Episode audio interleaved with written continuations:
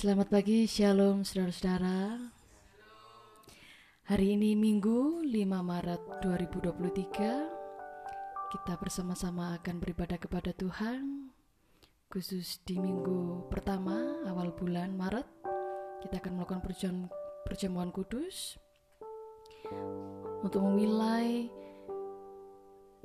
Ibadah pagi hari ini, mari kita bersama-sama menaikkan pujian penyembahan bagi Dia. Ku kagum akan Engkau.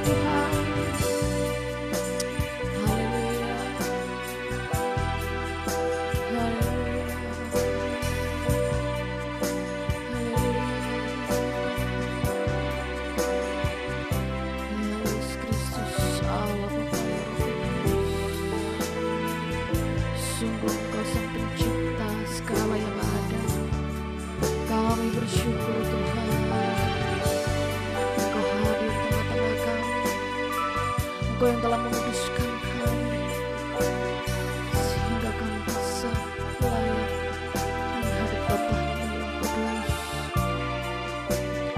Haleluya, selama-lamanya kami memuji Engkau ya Tuhan dengan segenap hati kami, tubuh jiwa roh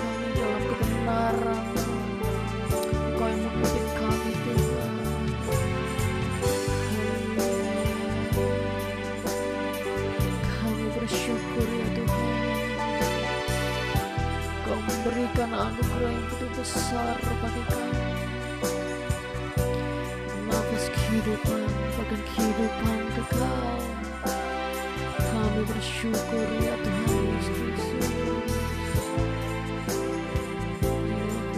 Persembahan kami kepadamu. Hari-hari yang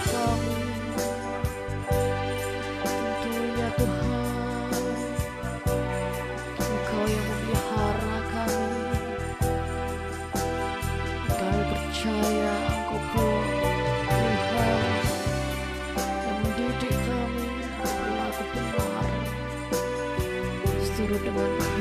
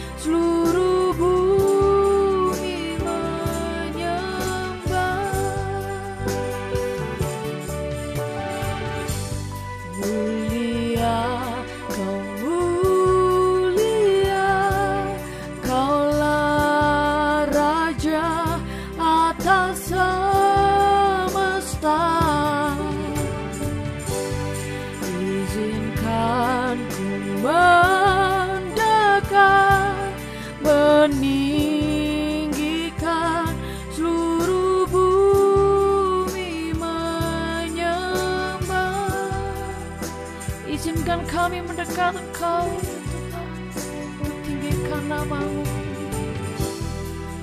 Izinkan ku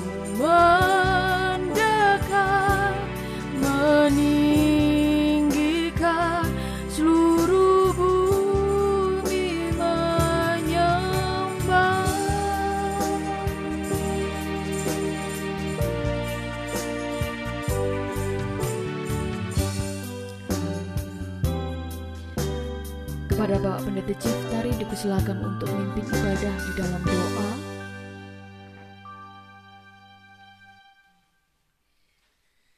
Baik mari jemaat Tuhan yang terkasih, kita memulai ibadah kita di dalam doa. Ya Allah kami Bapa yang Maha Kudus Maha Mulia, yang ada di tempat yang maha tinggi di dalam Tuhan Yesus Kristus. Kuasa roh kudusmu yang hadir di tengah kami. Kami dipanggilmu olehmu lagi ya Tuhan. Datang menaikkan doa pujian dan syukur kami ke hadiratmu di hari ini di tempat ini. Maka inilah umatmu, engkau kuduskan dan engkau hadir, memberkati kami, biar rohmu yang bekerja di tengah kami, memenuhi kami, memimpin kami, sehingga kami masuk di hadirat Tuhan dalam perkenananmu. Kami mau memuliakan Tuhan, kami beribadah kepada dikau Bapa dalam Yesus Kristus. Dari awal pertengahan sampai pada kesudahannya, engkau berfirman, engkau menguduskan dan membangun hidup kami. Maka dalam nama Tuhan Yesus Kristus kami memulai ibadah ini. Haleluya. Amin. Amin. Hanya kepada Allah Tritunggal di dalam nama Yesus Kristus kita beribadah kepadanya, memuji dan menyembah. Ya, saudara-saudara, mari kita bangkit berdiri. Kita naikkan pujian bagi dia, sebab dia Allah sumber segalanya.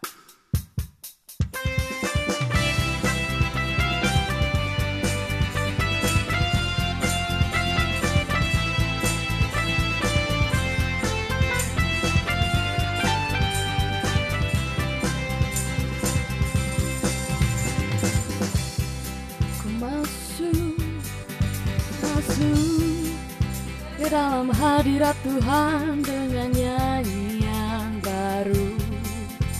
Membawa korban ucapan syukur bagi rajaku.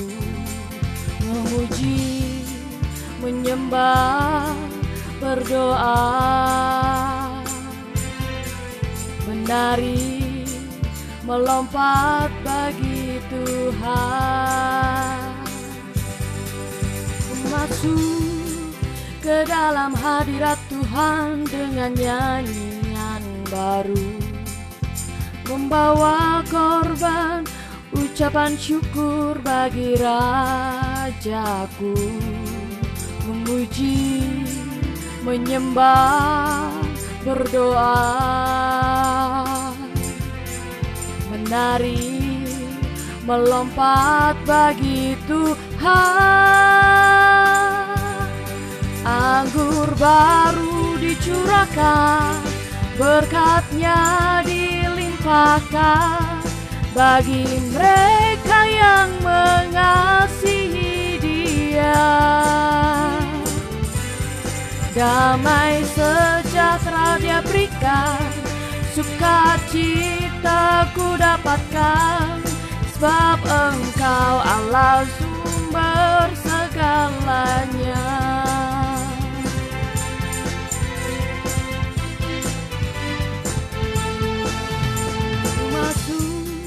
ke dalam hadirat Tuhan dengan nyanyian baru. Membawa korban ucapan syukur bagi rajaku. Memuji menyembah berdoa. Menari melompat bagi Tuhan anggur baru dicurahkan berkatnya dilimpahkan bagi mereka yang mengasihi dia. Damai sejahtera dia berikan sukacita ku dapatkan. Sebab engkau Allah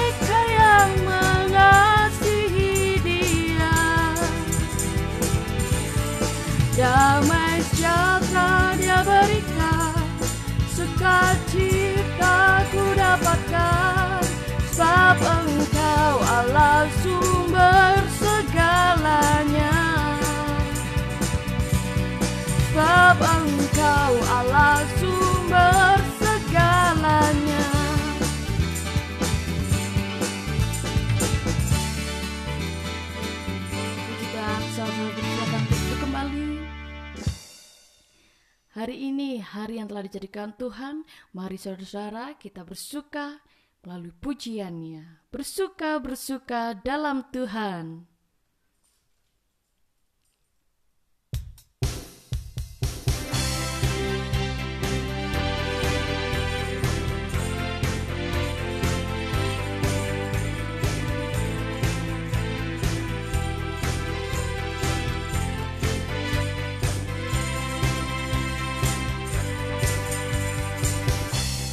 Hari ini yang telah dijadikan Tuhan. Mari kita bersuka. Hari ini hari yang telah dijadikan Tuhan. Mari kita bersuka. Di dalam Tuhan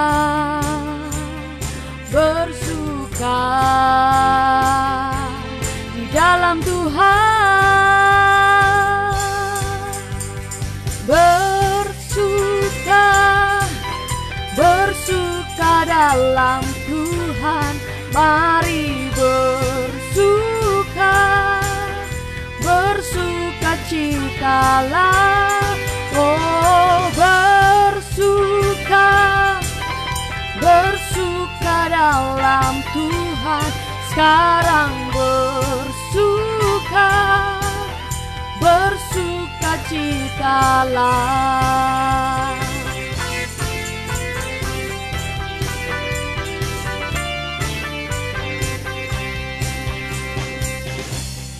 Hari ini hari yang telah dijadikan Tuhan. Mari kita bersuka Hari ini hari yang telah dijadikan Tuhan. Mari kita bersuka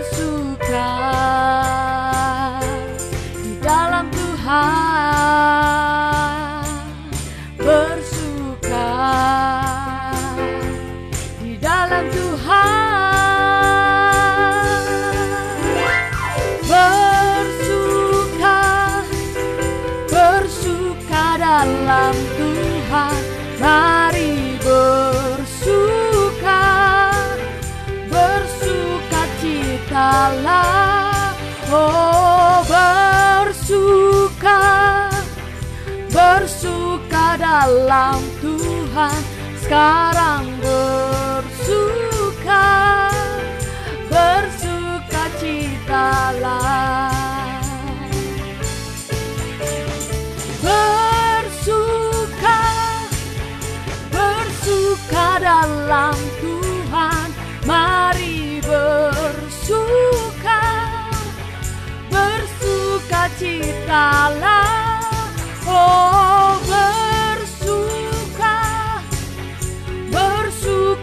bersuka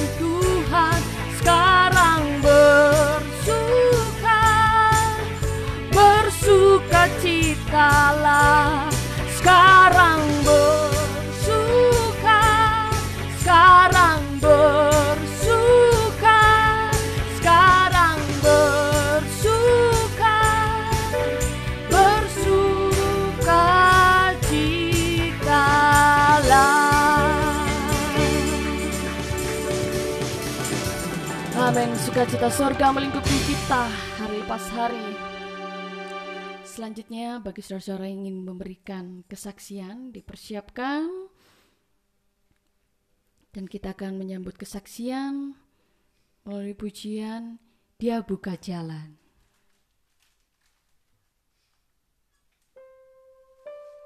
Dia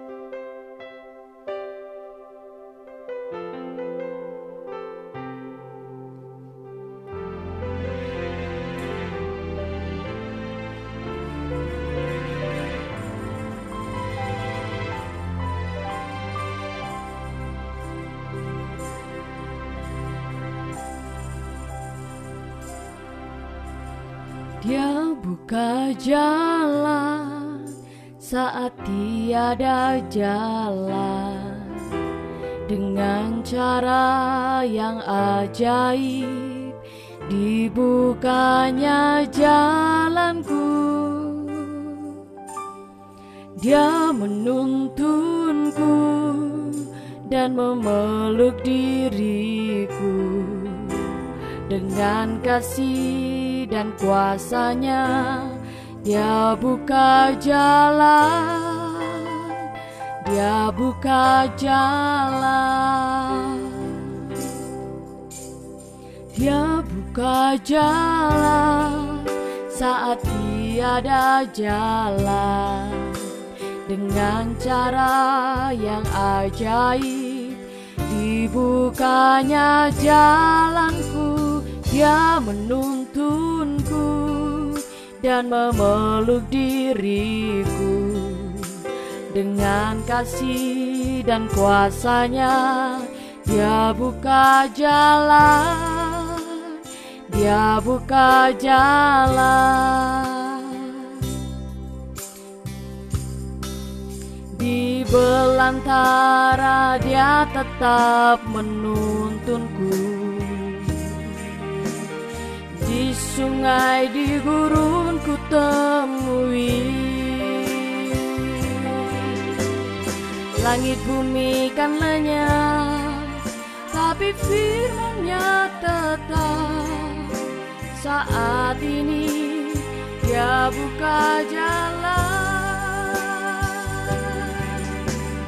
Dia buka jalan Saat tiada jalan dengan cara yang ajaib.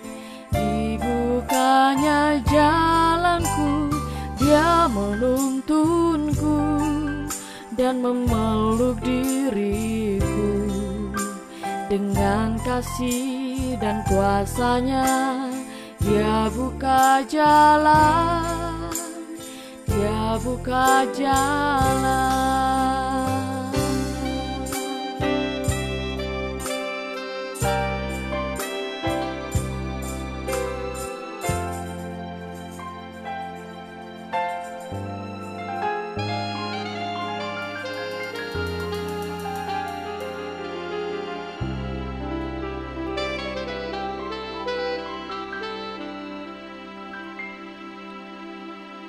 Kepada saudara-saudara yang ingin memberikan kesaksian, dipersilahkan.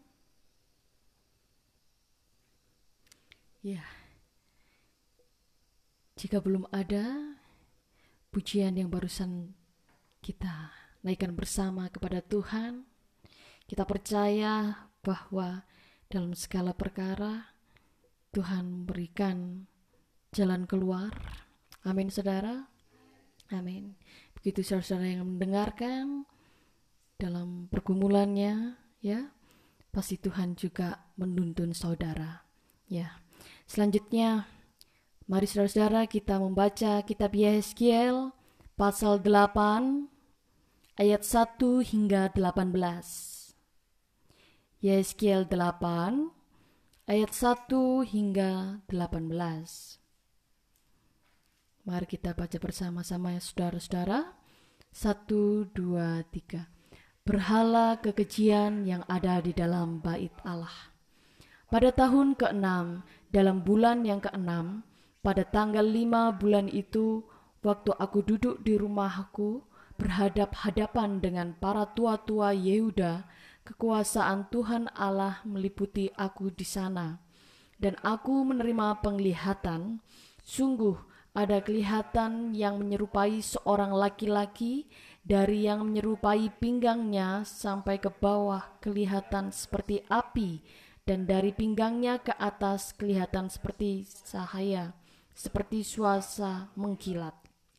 Dia mengulurkan sesuatu yang berbentuk tangan dan dipegangnya jambul kepalaku Lalu roh itu mengangkat aku ke antara langit dan bumi dan membawa aku dalam penglihatan-penglihatan ilahi ke Yerusalem dekat pintu gerbang pelataran dalam yang menghadap ke utara di mana terdapat berhala cemburuan yang menimbulkan cemburu itu. Lihat, di sana tampak kemuliaan Allah Israel seperti penglihatan yang kulihat di lembah itu. Firman-Nya kepadaku, Hai anak manusia, lihatlah ke utara. Aku melihat ke utara. Sungguh, di sebelah utara gerbang mesbah, dekat jalan masuk, terdapat berhala cemburuan tadi. Firmannya kepadaku, Hai anak manusia, kau lihatkah apa yang mereka perbuat, yaitu perbuatan-perbuatan kekejian yang besar-besar yang dilakukan oleh kaum Israel di sini sehingga aku harus menjauhkan diri dari tempat kudusku, engkau masih akan melihat perbuatan-perbuatan kekejian yang lebih besar lagi. Dan di bawahnya aku ke pintu pelataran, aku melihat sungguh ada sebuah lubang di dalam temboknya. Firmannya kepadaku, Hai anak manusia, perbesarlah lubang yang di tembok itu. Sesudah aku memperbesar lubang itu, lihat ada sebuah pintu Firman-Nya kepadaku, Masuklah dan lihatlah perbuatan-perbuatan kekejian yang jahat yang mereka lakukan di sini. Lalu aku masuk dan melihat sungguh segala gambar-gambar binatang melata dan binatang-binatang lain yang menjijikkan dan segala berhala-berhala kaum Israel terukir pada tembok sekelilingnya. Dan di hadapannya berdiri tujuh puluh orang tua-tua kaum Israel dengan Yaazanya bin Safan di tengah-tengah mereka dan masing-masing memegang bokor ukupannya di tangannya dan keharuman dari asap ukupan itu naik ke atas.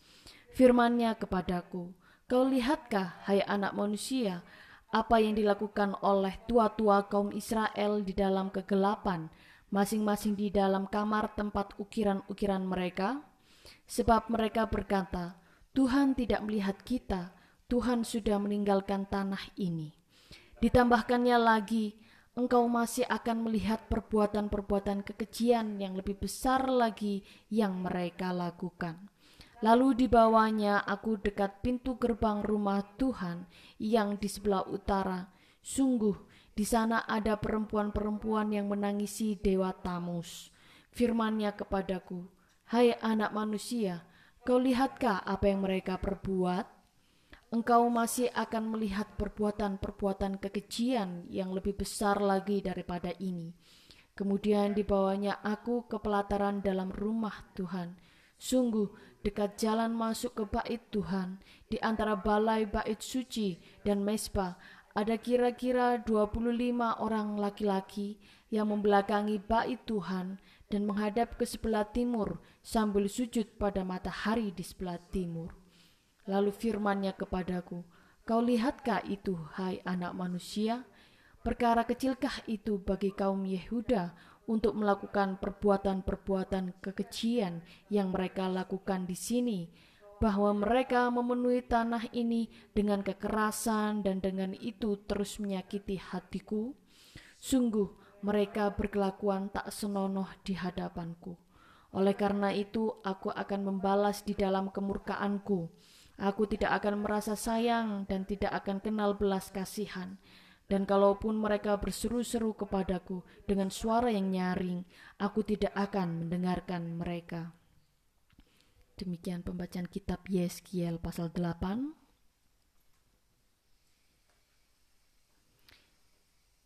Puji Tuhan, hanya Dialah Allah kita yang patut kita puji dan sembah. Selanjutnya kita akan bersama-sama mendengarkan firman Tuhan. Mari kita sambut firman Tuhan melalui pujian penyembahan.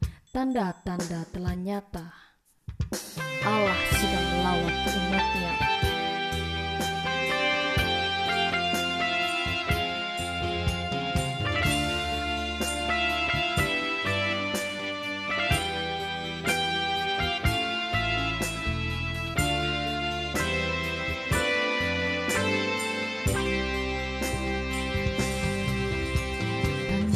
Tanda telah nyata Hujan akhir telah tiba. Allah sedang melawat umatnya. Ladang telah menguning Siap untuk dituai. Banyak jiwa menanti Uluran tangan kita Tuailah, tuailah sekarang. Tanda-tanda telah nyata Hujan akhir telah tiba. Allah sedang melawat umatnya. Ladang telah menguning siap untuk dituai Banyak jiwa menanti uluran tangan kita. Tuailah, tuailah sekarang. Nyatakan kemuliaannya pada segala bangsa. Biar kuasanya dinyatakan takkan berlimpah Bangkitlah gereja Tuhan Pandang sekelilingmu. Generasi ini Selamatkan ya Tuhan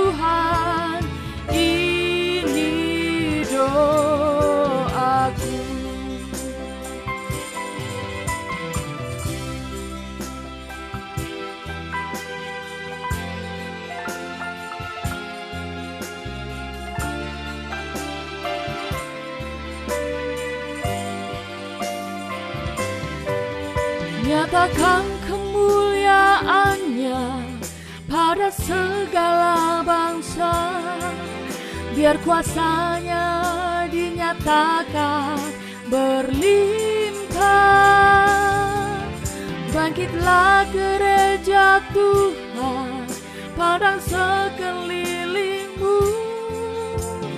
Generasi ini selamatkan ya Tuhan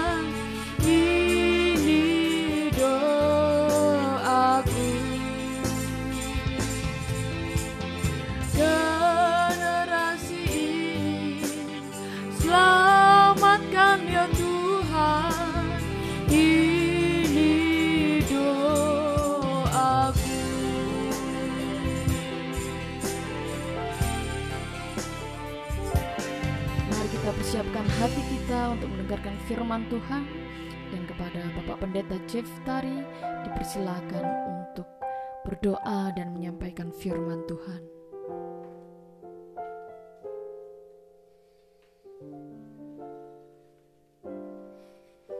Ya, puji Tuhan. Mari saudaraku yang terkasih, umat Tuhan kita masuk di dalam doa untuk kita mau mendengarkan firman Tuhan lagi.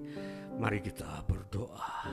Ya Tuhan, Engkau mendengar seruan hati anak-anakmu umatmu di pagi hari ini di dalam kerinduan untuk mendengarkan firman-Mu, terlebih kerinduan merasakan kuasa kasih Tuhan di dalam melawat, di dalam menguduskan, di dalam memberkati umat-Mu di tempat ini, baik mereka yang uh, secara tidak langsung hadir mereka hadir melalui mendengarkan firman-Mu di mana pun mereka berada lewat podcast ini maupun YouTube. Tuhan Yesus memberkati. Kami sangat percaya kuasa roh kudus-Mu mampu menjama kedalaman hati jiwa kami umat manusia. Anak-anakmu di muka bumi yang haus rindu akan dikau. Yang merindukan kekuatan baru. Yang merindukan kasih sayang Tuhan. Yang membutuhkan pengetahuan kebenaran. Yang membutuhkan berkat-berkat jasmani jasmani di bumi ini yang membutuhkan pemulihan-pemulihan hidup dari kesehatan-kesehatan yang terganggu. Semua itu bersumber daripadamu dan kami meminta di dalam dikau. Dan firmanmu menjadi jaminan hidup kami baik hidup di dunia ini maupun di dalam perjalanan hidup kami menuju kekekalan. Di sini engkau Bapa hadir di dalam kebenaranmu di dalam firmanmu dalam Yesus Kristus Tuhan. Maka di hari ini kami menerima firman-Mu. Kami berdoa di dalam nama-Mu Tuhan Yesus Kristus atas segala sesuatu yang kami butuhkan di hari ini dan seterusnya. Kami mendengarkan firman-Mu. Terpujilah Tuhan Yesus dan bekerjalah di dalam kuasa roh kudus-Mu. Haleluya. Amin. Ya, saudaraku yang terkasih dalam Tuhan Yesus Kristus. Di hari ini awal bulan Maret tanggal 5 Maret 2023 kita bersama-sama lagi membaca firman Tuhan yang kita akan baca uh, dari kitab Kolose pasal yang kedua ayat 6 dan ketujuh. Bunyinya demikian. Kepenuhan hidup dalam Kristus.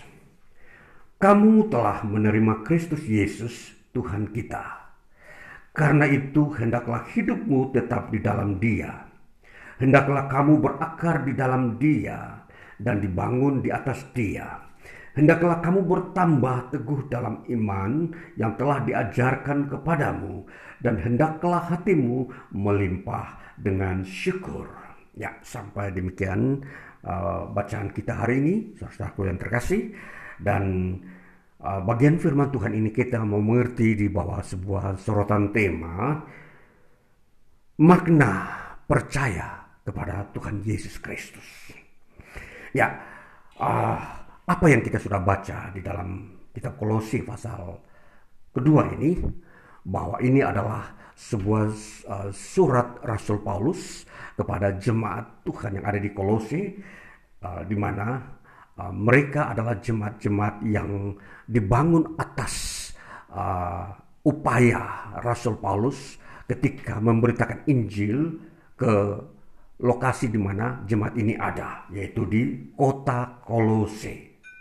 Saudaraku yang terkasih, di dalam seluruh uh, kerja keras Rasul Paulus, kita mau melihat dia uh, sampai kepada titik klimaks puncaknya ialah dia tetap memberikan suatu uh, dorongan-dorongan iman kepada jemaat-jemaat Tuhan dan dia uh, di dalam kondisi di penjara di kota Roma, dia sempat menulis surat ini juga kepada jemaat Kolose.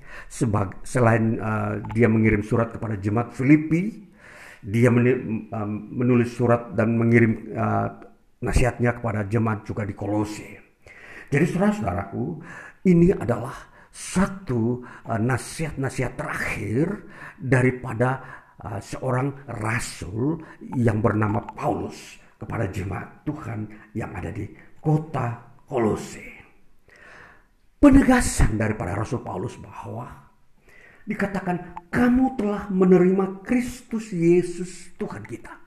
Saudara, inilah yang menjadi poin pertama. Mengapa kita percaya kepada Yesus Kristus atau kata lain bahwa makna daripada percaya kepada Tuhan Yesus Kristus inilah yang kita fahami bahwa dikatakan di sini kamu telah menerima Kristus Yesus Tuhan kita adalah poin pertama. Dikatakan menerima, kamu telah menerima Kristus Yesus. Kita mau memperhatikan kata menerima ini di dalam teks Yunaninya dikatakan pare pare labete. Ya. Pare labete ini kalau di uh, bawa di dalam uh, kalimat presentisnya dikatakan para lambano. Nah, pare labete ini adalah sebuah uh, kalimat yang berbentuk auris parilabete ini. Jadi kalau auris itu mengartikan bahwa kalimat ini diartikan uh, dengan kata sungguh-sungguh. Jadi kalau jemaat di Kolose ini sudah menerima Yesus Kristus dengan sungguh-sungguh. Maka kata para parilabete ini itu diterjemahkan bahwa jemaat di Kolose telah menerima Yesus dengan sungguh-sungguh sebagai Tuhan. Nah, inilah yang kita mau melihat. Makna pertama daripada percaya kepada Tuhan Yesus Kristus. Kita mau lihat makna ini bahwa yang kita lihat dari ayat ini bahwa telah menerima dengan sungguh-sungguh ya penegasannya sungguh-sungguh Yesus Kristus sebagai Tuhan di dalam hidupnya. Di dalam hidup mereka. Ini poin pertama untuk kita mengerti dari tema yang kita uh, dengar saat ini bahwa makna percaya kepada Tuhan Yesus Kristus. Jadi kalau kita melihat tema ini, makna percaya itu berarti ada harus ada proses menerima menerima Yesus Kristus di dalam hidup ini, dalam hati ini dengan sungguh-sungguh sebagai Tuhan. Nah, inilah kehadiran Tuhan Yesus di dalam kehidupan setiap orang yang uh, mengaku dan menerima dengan sungguh-sungguh bahwa Yesus itu Tuhan itu akan benar-benar terwujud. Bahwa kehidupan mereka akan digembalakan, dipelihara oleh Tuhan Yesus Kristus. Nah, inilah uh, makna pertama yang kita akan melihat bahwa apa yang uh, Rasul Paulus uh, nasihatkan kepada jemaat di Kolose ini sungguh-sungguh dapat dimengerti bahwa percaya kepada Tuhan Yesus Kristus itu mempunyai makna seperti yang dikehendaki, yang dinasihatkan oleh Rasul Paulus bahwa menerima Yesus Kristus. Saudara, kalau kita mau mengerti kata menerima dengan sungguh-sungguh, itu berarti kita harus membawa masuk ke dalam hidup kita Lalu yang di dalam hidup kita yang dulu pernah kita pakai atau terima, kita keluarkan atau lepaskan. Nah, kalau kita memperhatikan saudara-saudara, jemaat jemaat Tuhan yang ada di kota Kolose, mereka adalah jemaat-jemaat yang berlatar belakang tentunya uh, sebelumnya mereka bukanlah orang-orang uh, yang percaya kepada Kristus. Mereka adalah orang-orang di situ orang-orang yang tinggal di Asia kecil, mereka menganut kepercayaan-kepercayaan Yunani. Mereka menganut kepercayaan-kepercayaan yang ada di uh, kota Kolose itu sendiri yang bisa saja bercampur dengan uh, tahayul-tahayul yang berkembang di kota Kolose. Yang mereka pakai untuk baik bekerja, baik untuk membangun rumah tangga, baik untuk bercocok tanam, baik untuk uh, kehidupan bermasyarakat dan berbangsa. Nah, ini hal-hal seperti ini tentunya mereka pernah melakukannya sebelum mereka menjadi Kristen, sebelum mereka percaya kepada Kristus Yesus. Nah, jadi ini penegasan menerima Yesus Kristus itu berarti juga bersamaan mengeluarkan, melepaskan yang pernah dipakai oleh uh, mereka sebelum menjadi jemaat Tuhan yang ada di kota Kolose. Nah, jadi itulah makna penegasan menerima dan melepaskan yang lain. Nah, jadi Tentunya kalau kita memperhatikan bahwa semua orang di muka bumi mempunyai pengalaman dan pengetahuan yang mereka punyai sebelum mereka percaya kepada Kristus. Ya, kalau kita melihat bangsa-bangsa, suku bangsa yang ada di berbagai negara mempunyai eh, pandangan-pandangan hidup, tradisi-tradisi, pengetahuan-pengetahuan uh, yang hadir atau dikembangkan oleh nenek moyang mereka turun temurun. Dan ini menjadi sebuah ajaran-ajaran uh, katakanlah budaya dan tradisi dan mungkin ada yang uh, menganut unsur-unsur kepercayaan-kepercayaan di dalamnya. Nah, jadi saudara-saudara, jadi makna percaya kepada Yesus Kristus ialah menerima Yesus Kristus dan melepaskan yang bukan ajaran Kristus. Nah, itu perlu kita ketahui. Jadi tidak bisa ditumpangi begitu saja atau ditindih begitu saja tanpa harus dilepaskan. Nah, inilah yang disebut uh, bagaimana kita melihat iman kepada Yesus Kristus modelnya atau bagaimana Kristus Yesus sendiri menghendaki seperti itu. Harus menerima. Nah, saudara, jadi kata parela bete ini mempunyai makna seperti itu. Menerima Kristus dan melepaskan yang bukan milik Kristus dari dalam diri kita. Nah, kemudian yang kedua, makna yang kedua adalah uh, peripatete. Peripatete ini kalau diterjemahkan bahwa ayat yang ke bagian B dikatakan karena itu hendaklah hidupmu tetap di dalam dia. Hidup itu tetap. Jadi kalau kata peripatete ini diterjemahkan itu artinya berjalan atau hidup. Nah, jadi kalau kita memperhatikan ini kata peripatete ini kata perintah. Jadi hendaklah. Jadi hendaklah itu adalah sebuah perintah halus. Jadi uh, dianjurkan kamu dalam hidupmu di dunia ini harus berjalan bersama Kristus. Nah, saudara-saudara, makna percaya kepada Yesus Kristus ini yang kedua seperti ini. Berjalan bersama Kristus atau hidup bersama Kristus di dunia ini. Nah, kalau kita mau memperhatikan makna daripada hidup bersama Kristus di dunia ini, kita mulai mulai mulai lihat dari mulai kita hidup ketika kita mulai uh, bersekolah, ketika kita mulai bekerja, ketika kita mulai berkeluarga, ketika kita mulai juga membangun usaha, ketika kita mulai uh, mengadakan kegiatan-kegiatan kemanusiaan. Semua itu harus melibatkan Kristus. Berjalan bersama Kristus. Ini maksudnya. Hidup bersama Kristus di dunia ini. Jadi makna percaya kepada Tuhan Yesus Kristus itu yang kedua seperti itu. Hidup bersama Kristus selama-lamanya. Artinya sudah tidak bisa diganti, sudah tidak bisa ditambahkan. Itu sudah harus menjadi satu-satunya kehidupan di dunia ini bersama Kristus Yesus Tuhan. Nah inilah makna percaya kepada Tuhan Yesus Kristus. Makna yang ketiga, kita akan melihat kepada kalimat yang berikutnya dikatakan hendaklah kamu berakar di dalam dia. Kalau kita memperhatikan kata berakar ini, kata ini dari uh, teks Yunani dikatakan eri somenoi. Ya.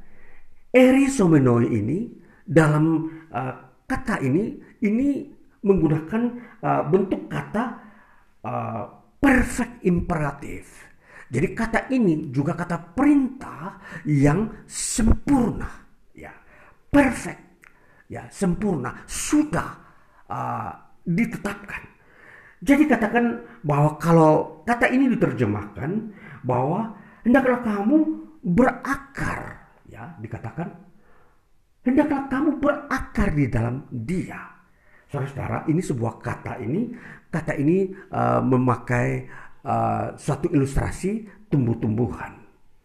Tumbuh-tumbuhan sebuah tanaman yang uh, ditanam melalui biji, sebuah uh, biji tumbuhan, bibit yang berbentuk biji ini, ketika ditanam di tanah, dianjurkan sampai berakar. Ya, kalau kita memperhatikan sebuah tanaman untuk tumbuh, dia harus biji itu ditanam, Lalu biarkan dia berakar, jangan diganggu, jangan dirusai. Uh, Kalau itu dirusai atau dirusakkan atau dipindahkan bibitnya, maka akan mati. Kalau akar itu belum uh, kuat, lalu dipindahkan pun akan mati. Nah, jadi saudara-saudara, kalau kita memperhatikan berakar, berakar di dalam Yesus Kristus. Inilah makna yang ketiga yang kita harus mengerti tentang makna percaya kepada Tuhan Yesus Kristus. Kita mau melihat makna ini. Makna ini dalam bentuk penguraian dikatakan berakar di dalam Kristus Yesus. Nah, jadi jemaat Tuhan, setiap orang yang sudah percaya kepada Kristus, supaya berakar, maka dia harus tetap tinggal di dalam persekutuan dengan Kristus. Dia tidak dia tidak boleh melakukan sebuah uh, langkah keluar dari persekutuan dengan Kristus. Kalau dia keluar, maka akan mati. Ya, karena apa? Benih ini dia belum berakar. Ya, kalau kita memperhatikan ilustrasi tumbuh-tumbuhan. Jadi dia anjurkan berakar di dalam Kristus. Untuk mencapai titik berakar perlu ditanam beberapa waktu lamanya. Jadi biji tanaman kalau ditanam tidak bisa langsung besok berakar. Dia membutuhkan beberapa hari penyesuaian baik dari sisi udara dan uh, kelembapan tanah baru biji itu bisa keluarkan akar. Nah, saudara-saudara, persekutuan dengan Tuhan Yesus Kristus itu tidak kita butuhkan hanya sehari, dua hari, setahun, dua tahun lalu kita berakar. Membutuhkan proses waktu yang panjang. supaya uh, benih itu berakar, keluar akarnya, lalu mengeluarkan sebuah sifat daripada biji tanaman itu. Misalkan kita menanam biji mangga. Biji mangga akan keluar akar, baru mengeluarkan tunas yang menyerupai pohon mangga, lalu akan mengeluarkan daun. Nah, ini baru baru setelah akarnya keluar, baru munculnya akan sifat-sifat dari uh, biji yang ditanam itu. Kalau biji mangga, dia akan mengeluarkan sifat pohon mangga, yaitu akan memperlihatkan daun yang menyerupai pohon mangga. Nah, sama ketika kita berakar ditanam dalam Yesus Kristus, kita bersekutu dengan Dia senantiasa, maka pada satu waktu maka tumbuhlah keluar sifat-sifat seperti Kristus dari dalam diri kita. Nah, ini yang dimaksudkan bahwa sifat-sifat keilahian di dalam Kristus Yesus yang memang yang dikendaki Allah itu harus tumbuh di dalam kita. Seperti apa sifat-sifat itu? Tentunya Yesus Kristus telah memperlihatkan sifat-sifat uh, keilahian yang memang betul-betul dikatakan dia mengasihi sesama manusia.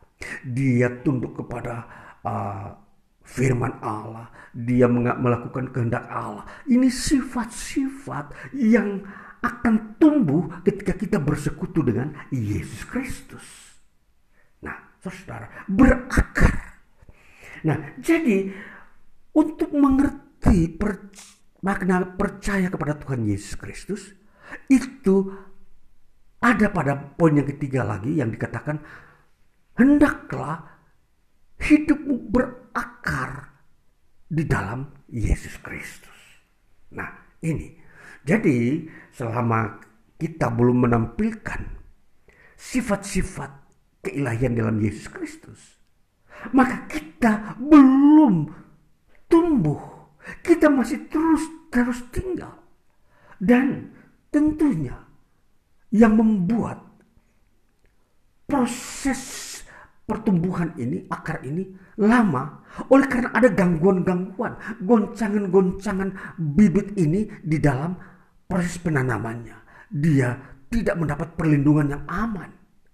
Nah, itulah sebabnya dalam ilustrasi ini kita sebagai umat Tuhan tidak perlu mengambil langkah-langkah keluar dari persekutuan dengan Tuhan Yesus Kristus untuk menambahkan pada kita satu kehidupan yang lebih baik.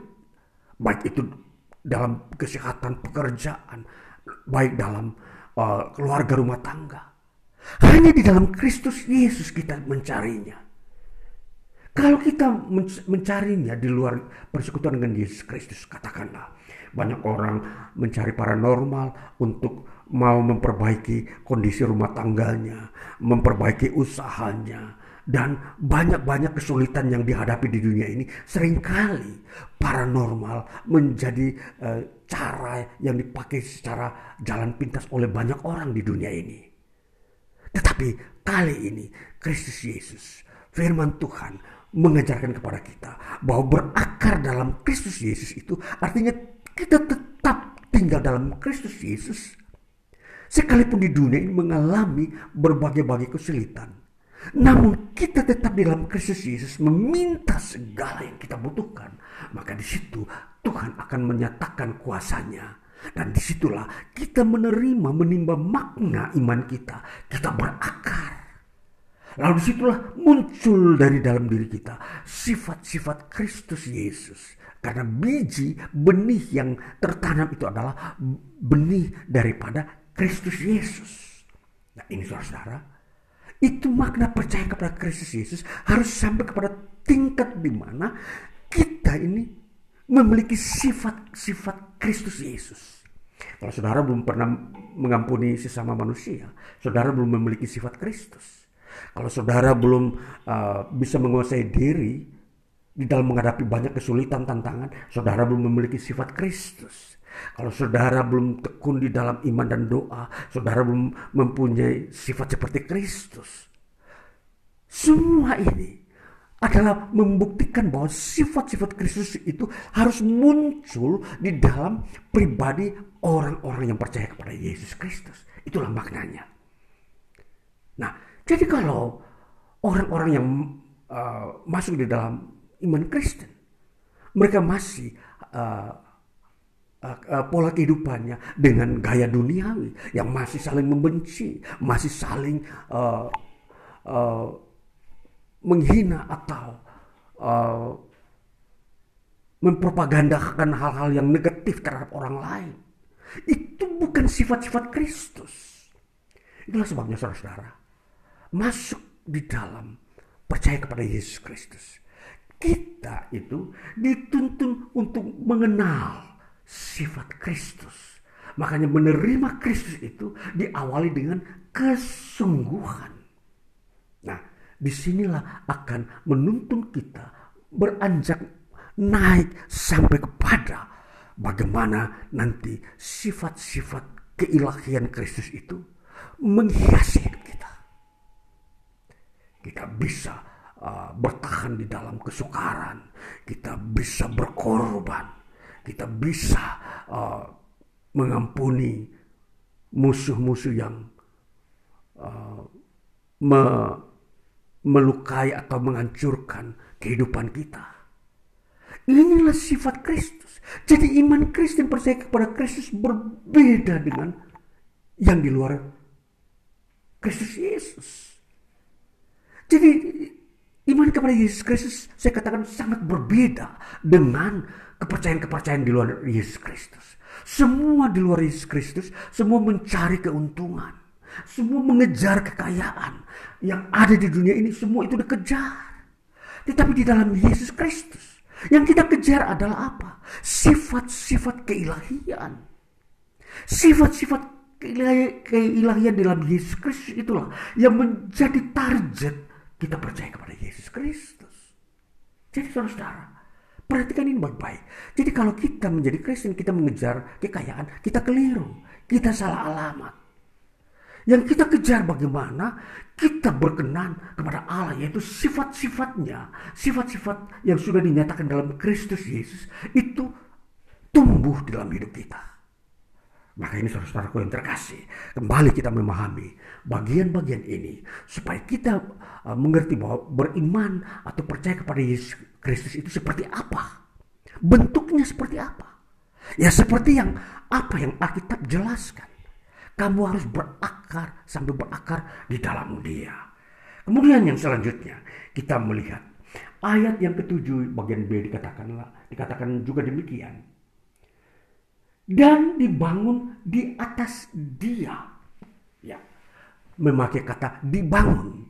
Ya, kata ini kita memperhatikan kata ini juga uh, dalam uh, kata teks Yunani dikatakan epoi kodomoi Epui kodomo itu itu mempunyai arti bahwa itu adalah sebuah kata uh, partisipal. Kata partisipal itu artinya itu uh, mengambil bagian, ya. atau dikatakan dikatakan lagi uh, keterlibatan, ya. Jadi terlibat di dalam sebuah aktivitas. Nah, dikatakan uh, kodong meu itu itu artinya membangun di atas. Jadi keterlibatan membangun bangunan di atas Yesus Kristus. Jadi sebuah uh, kiasan lagi dipakai kata bangunan. Tadi kiasannya adalah uh, tumbuh-tumbuhan ditanam. Sekarang dibangun. Ini sebuah aktivitas yang memang uh, meliputi kehidupan, membangun kehidupan di dunia ini. Jadi memang uh, ilustrasi ini memberikan gambaran kepada kita bahwa orang yang percaya kepada Kristus dia harus aktif. Dia harus uh, yang memulai berinisiatif mengerjakan hal-hal yang benar dan baik. Dia bukanlah orang yang mengekor, mengikuti saja. Tidak. Dia orang yang di depan berinisiatif membangun sebuah bangunan yang berdasarkan kebenaran. Membangun kehidupan yang digambarkan sebagai bangunan itu di atas dasar pengenalan akan Yesus Kristus. Di atas dasar pengajaran-pengajaran Kristus Yesus. Nah, sebagaimana halnya apa yang kita bangun di dunia ini. Kita membangun rumah tangga, kita membangun usaha ekonomi, pekerjaan bisnis, kita membangun uh, kemasyarakatan, kita membangun bangsa dan negara. Di sini untuk membangun semua ini membutuhkan ide-ide yang uh, kuat, ide-ide yang memang bisa betul-betul bermanfaat untuk pembangunan itu sendiri di mana semua orang merasakan makna pembangunan. Jadi kalau membangun kehidupan tentunya tidak akan mungkin kita melihat ada orang kelaparan. Kita tidak akan mungkin melihat ada orang lain yang masih uh, tidak mempunyai rumah atau uh, mengalami kesengsaraan-kesengsaraan hidup di dunia ini. Maka saudara membangun kehidupan baik pribadi, keluarga, masyarakat itu semua akan tercapai dengan baik bila kita membangunnya di atas dasar pengajaran Yesus Kristus. Nah, membangun di atas dasar Kristus Yesus inilah yang disebut makna keempat adalah percaya kepada Yesus Kristus. Jadi ketika saudara percaya kepada Yesus Kristus, saudara tidak uh, tidur-tidur uh, saja. Uh, saudara menganggur, saudara diam-diam uh, tanpa ada sebuah uh, kegiatan atau aksi atau uh, sikap yang positif di dalam membangun. Maka membangun kehidupan di dunia ini harus selaras, harus di di atas dasar apa yang Yesus ajarkan. Bukan kita memakai eh, cara-cara uh, kegelapan.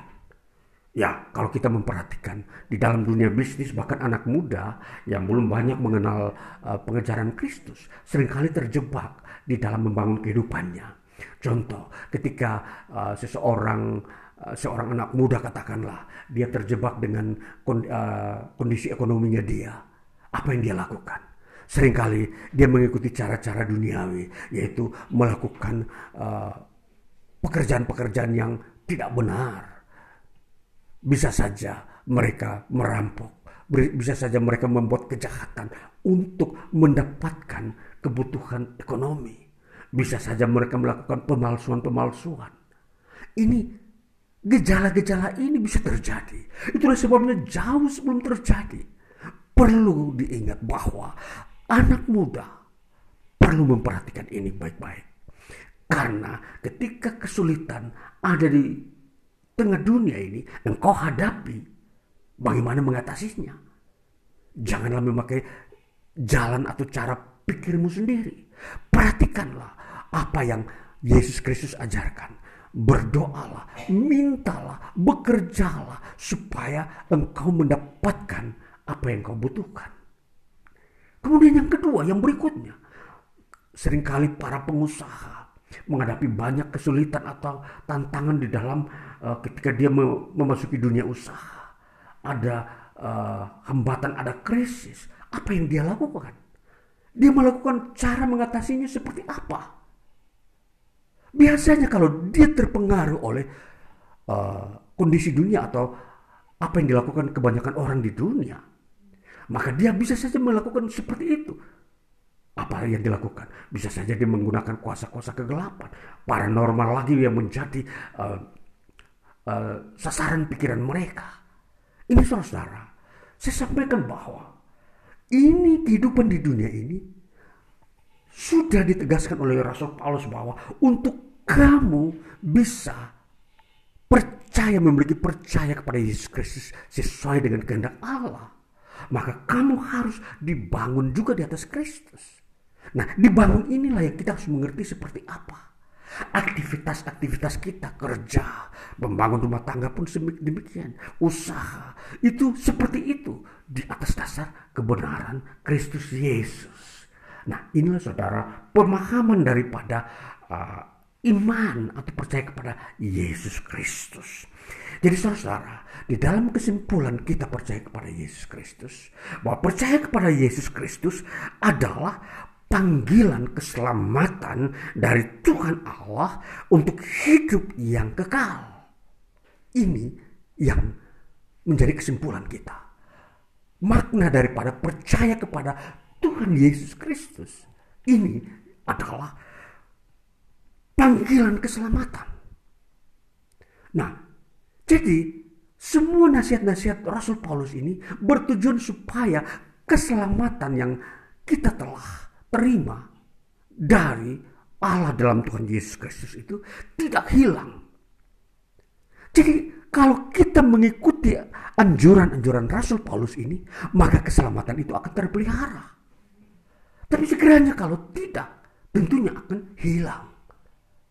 Kita perhatikan banyak orang lesu, banyak orang yang percaya kepada Yesus Kristus ketika menghadapi banyak tekanan, tantangan. Mereka tahu, tahu cepat lesu, bisa saja putus asa, bisa saja juga tidak lagi mau beraktivitas di dalam imannya, bahkan sudah meninggalkan semua pekerjaan dan pelariannya putus asa. Dan ujung-ujungnya kita ketemukan banyak orang dari antara mereka terjebak. Mereka membunuh diri, menggunakan obat-obat terlarang, overdosis. Lalu itu sebenarnya sikap membunuh diri secara perlahan-lahan. Saudara, jadi kalau kita memperhatikan bahwa panggilan keselamatan itu untuk menjadikan kita adalah orang-orang kudusnya Tuhan di bumi ini.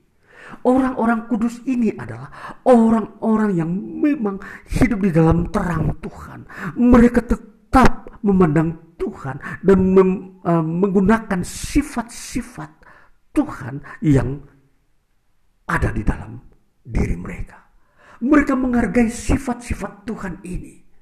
Jadi ketika sifat-sifat Tuhan itu tumbuh, maka kita pergunakan sifat-sifat itu untuk kita beraktivitas di dunia ini.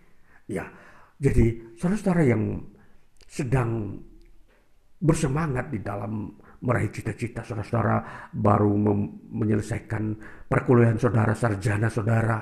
Saudara ingin mau meraih cita-cita untuk bergelut di bidang apa yang saudara uh, pelajari.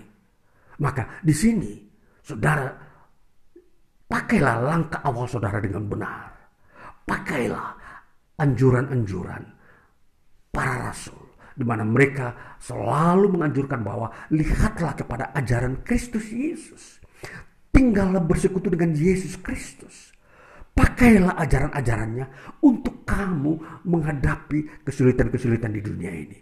Berdoalah kepada Yesus Kristus. Ini yang Uh, menjadi uh, bagian penting di dalam seseorang masuk di dalam iman percaya kepada Yesus Kristus. Dia harus berdoa, dia harus membaca firman Kristus.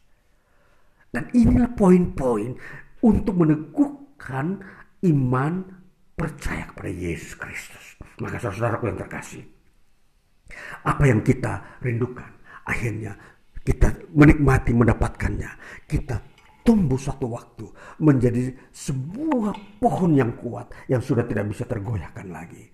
Sekalipun ada angin ribut, dia tidak akan tumbang. Sekalipun ada banjir, dia tidak akan hanyut.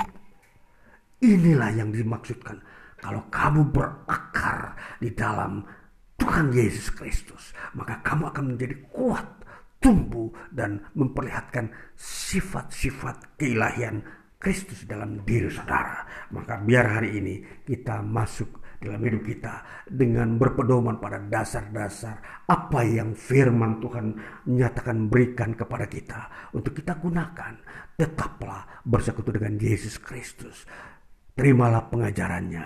Janganlah pergunakan pengajaran-pengajaran di dunia ini yang tidak benar, yang semua menjerat manusia ke dalam kejahatan dan menjerat manusia ke dalam permasalahan-permasalahan yang begitu rumit sehingga sukar manusia keluar kalau sudah mengalami jatuh dalam jeratan-jeratan ini.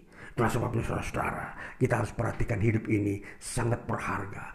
Ketika kita memulai dengan pengajaran Kristus, kita akan terus berjalan bersamanya dan sampai kepada akhir hidup kita, kedewasaan kita, kita tetap tinggal di dalamnya dan ini akan membuat kita berbahagia. Saudara-saudara terkasih, inilah bagian firman Tuhan bagi kita. Maka kita pakai prinsip-prinsip ini untuk membangun hidup kita. Puji Tuhan. Haleluya. Amin. Hari ini kita akan masuk dalam perjamuan kudus. Firman Tuhan dikatakan di dalam kitab 1 Korintus pasal 11 dikatakan ayat yang 23 bunyinya demikian. Sebab apa yang telah kuteruskan kepadamu telah aku terima dari Tuhan yaitu bahwa Tuhan Yesus pada malam waktu ia diserahkan mengambil roti. Mari kita mengambil roti ini.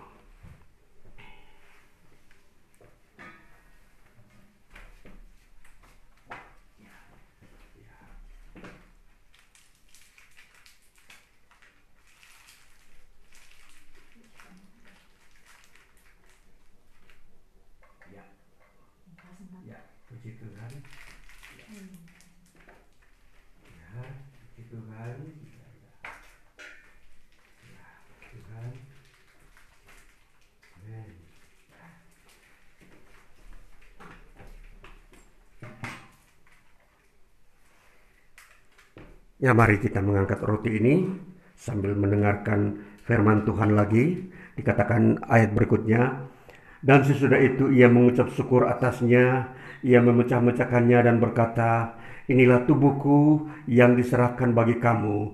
Perbuatlah ini menjadi peringatan akan aku. Mari kita makan bersama-sama dalam nama Tuhan Yesus.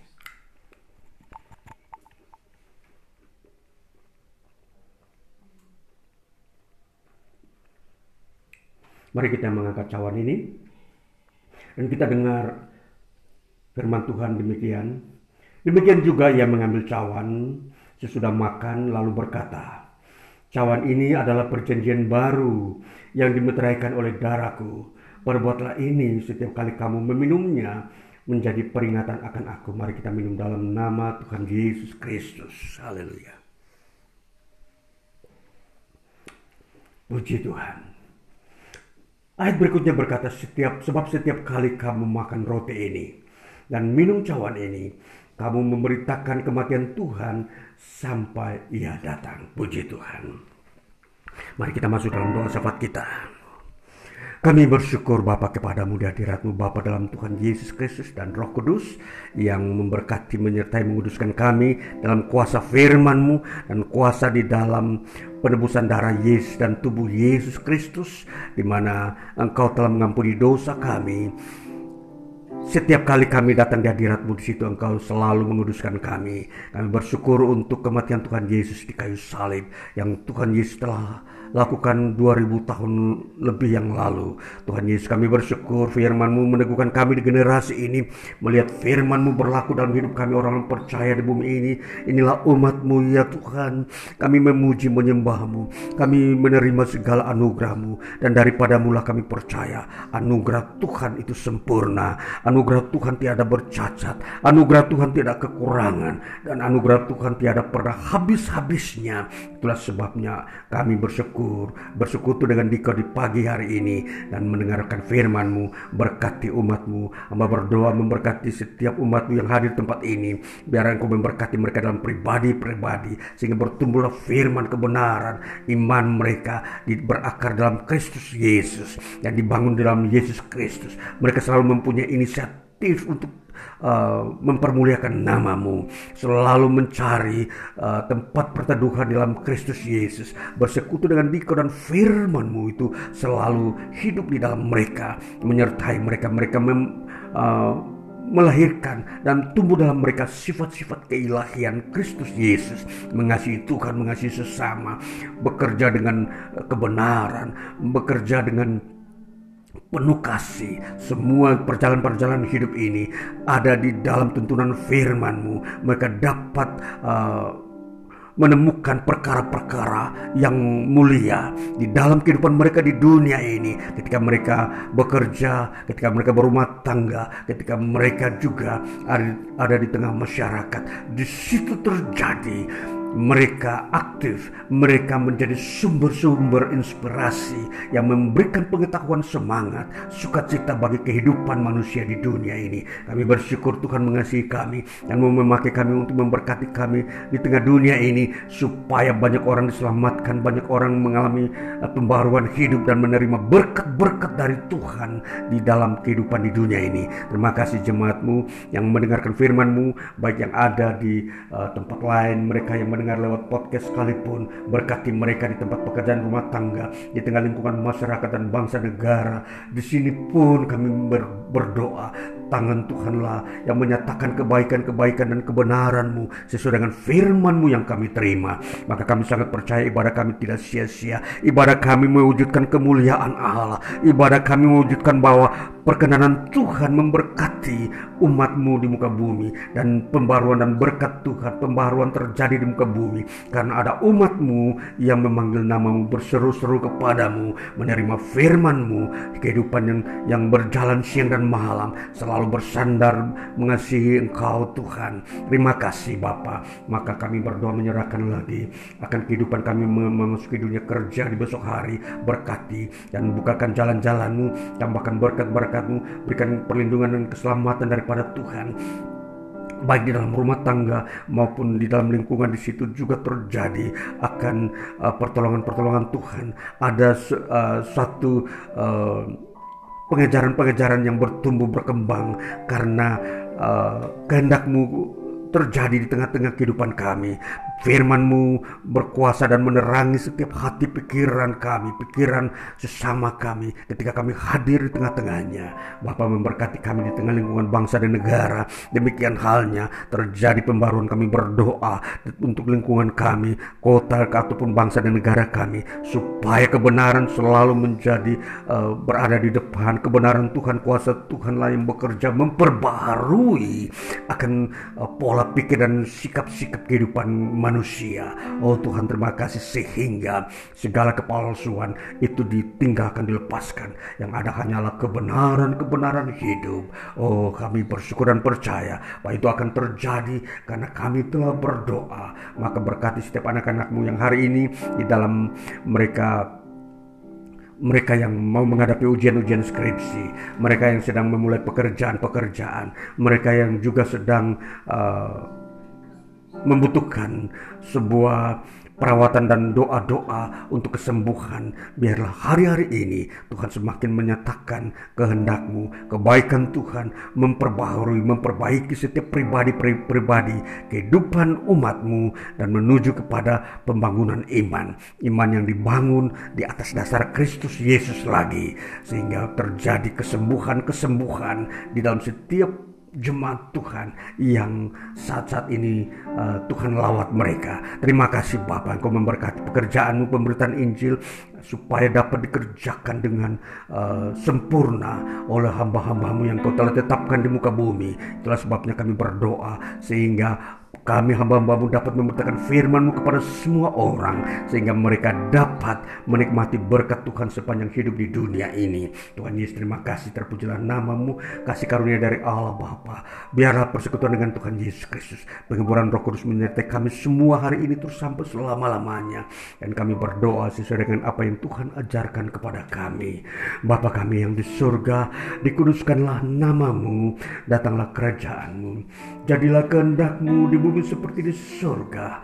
Berikanlah kami pada hari ini makanan kami yang secukupnya dan ampunilah kami akan kesalahan kami seperti kami juga mengampuni orang yang bersalah kepada kami dan janganlah membawa kami ke dalam pencobaan tetapi lepaskanlah kami daripada yang jahat karena engkau yang punya kerajaan, kuasa dan kemuliaan sampai selama-lamanya. Terima kasih Yesus Terima kasih Yesus. Puji syukur hanya bagimu Ya Allah aku ya Tuhanku. Terima kasih Yesus terima kasih Yesus. Puji syukur hanya bagimu. Terima kasih. Yesus Bapa terima kasih untuk kasih firman-Mu dan kuasa-Mu atas kami. Dalam nama Tuhan Yesus kami berdoa dan bersyukur. Haleluya Amin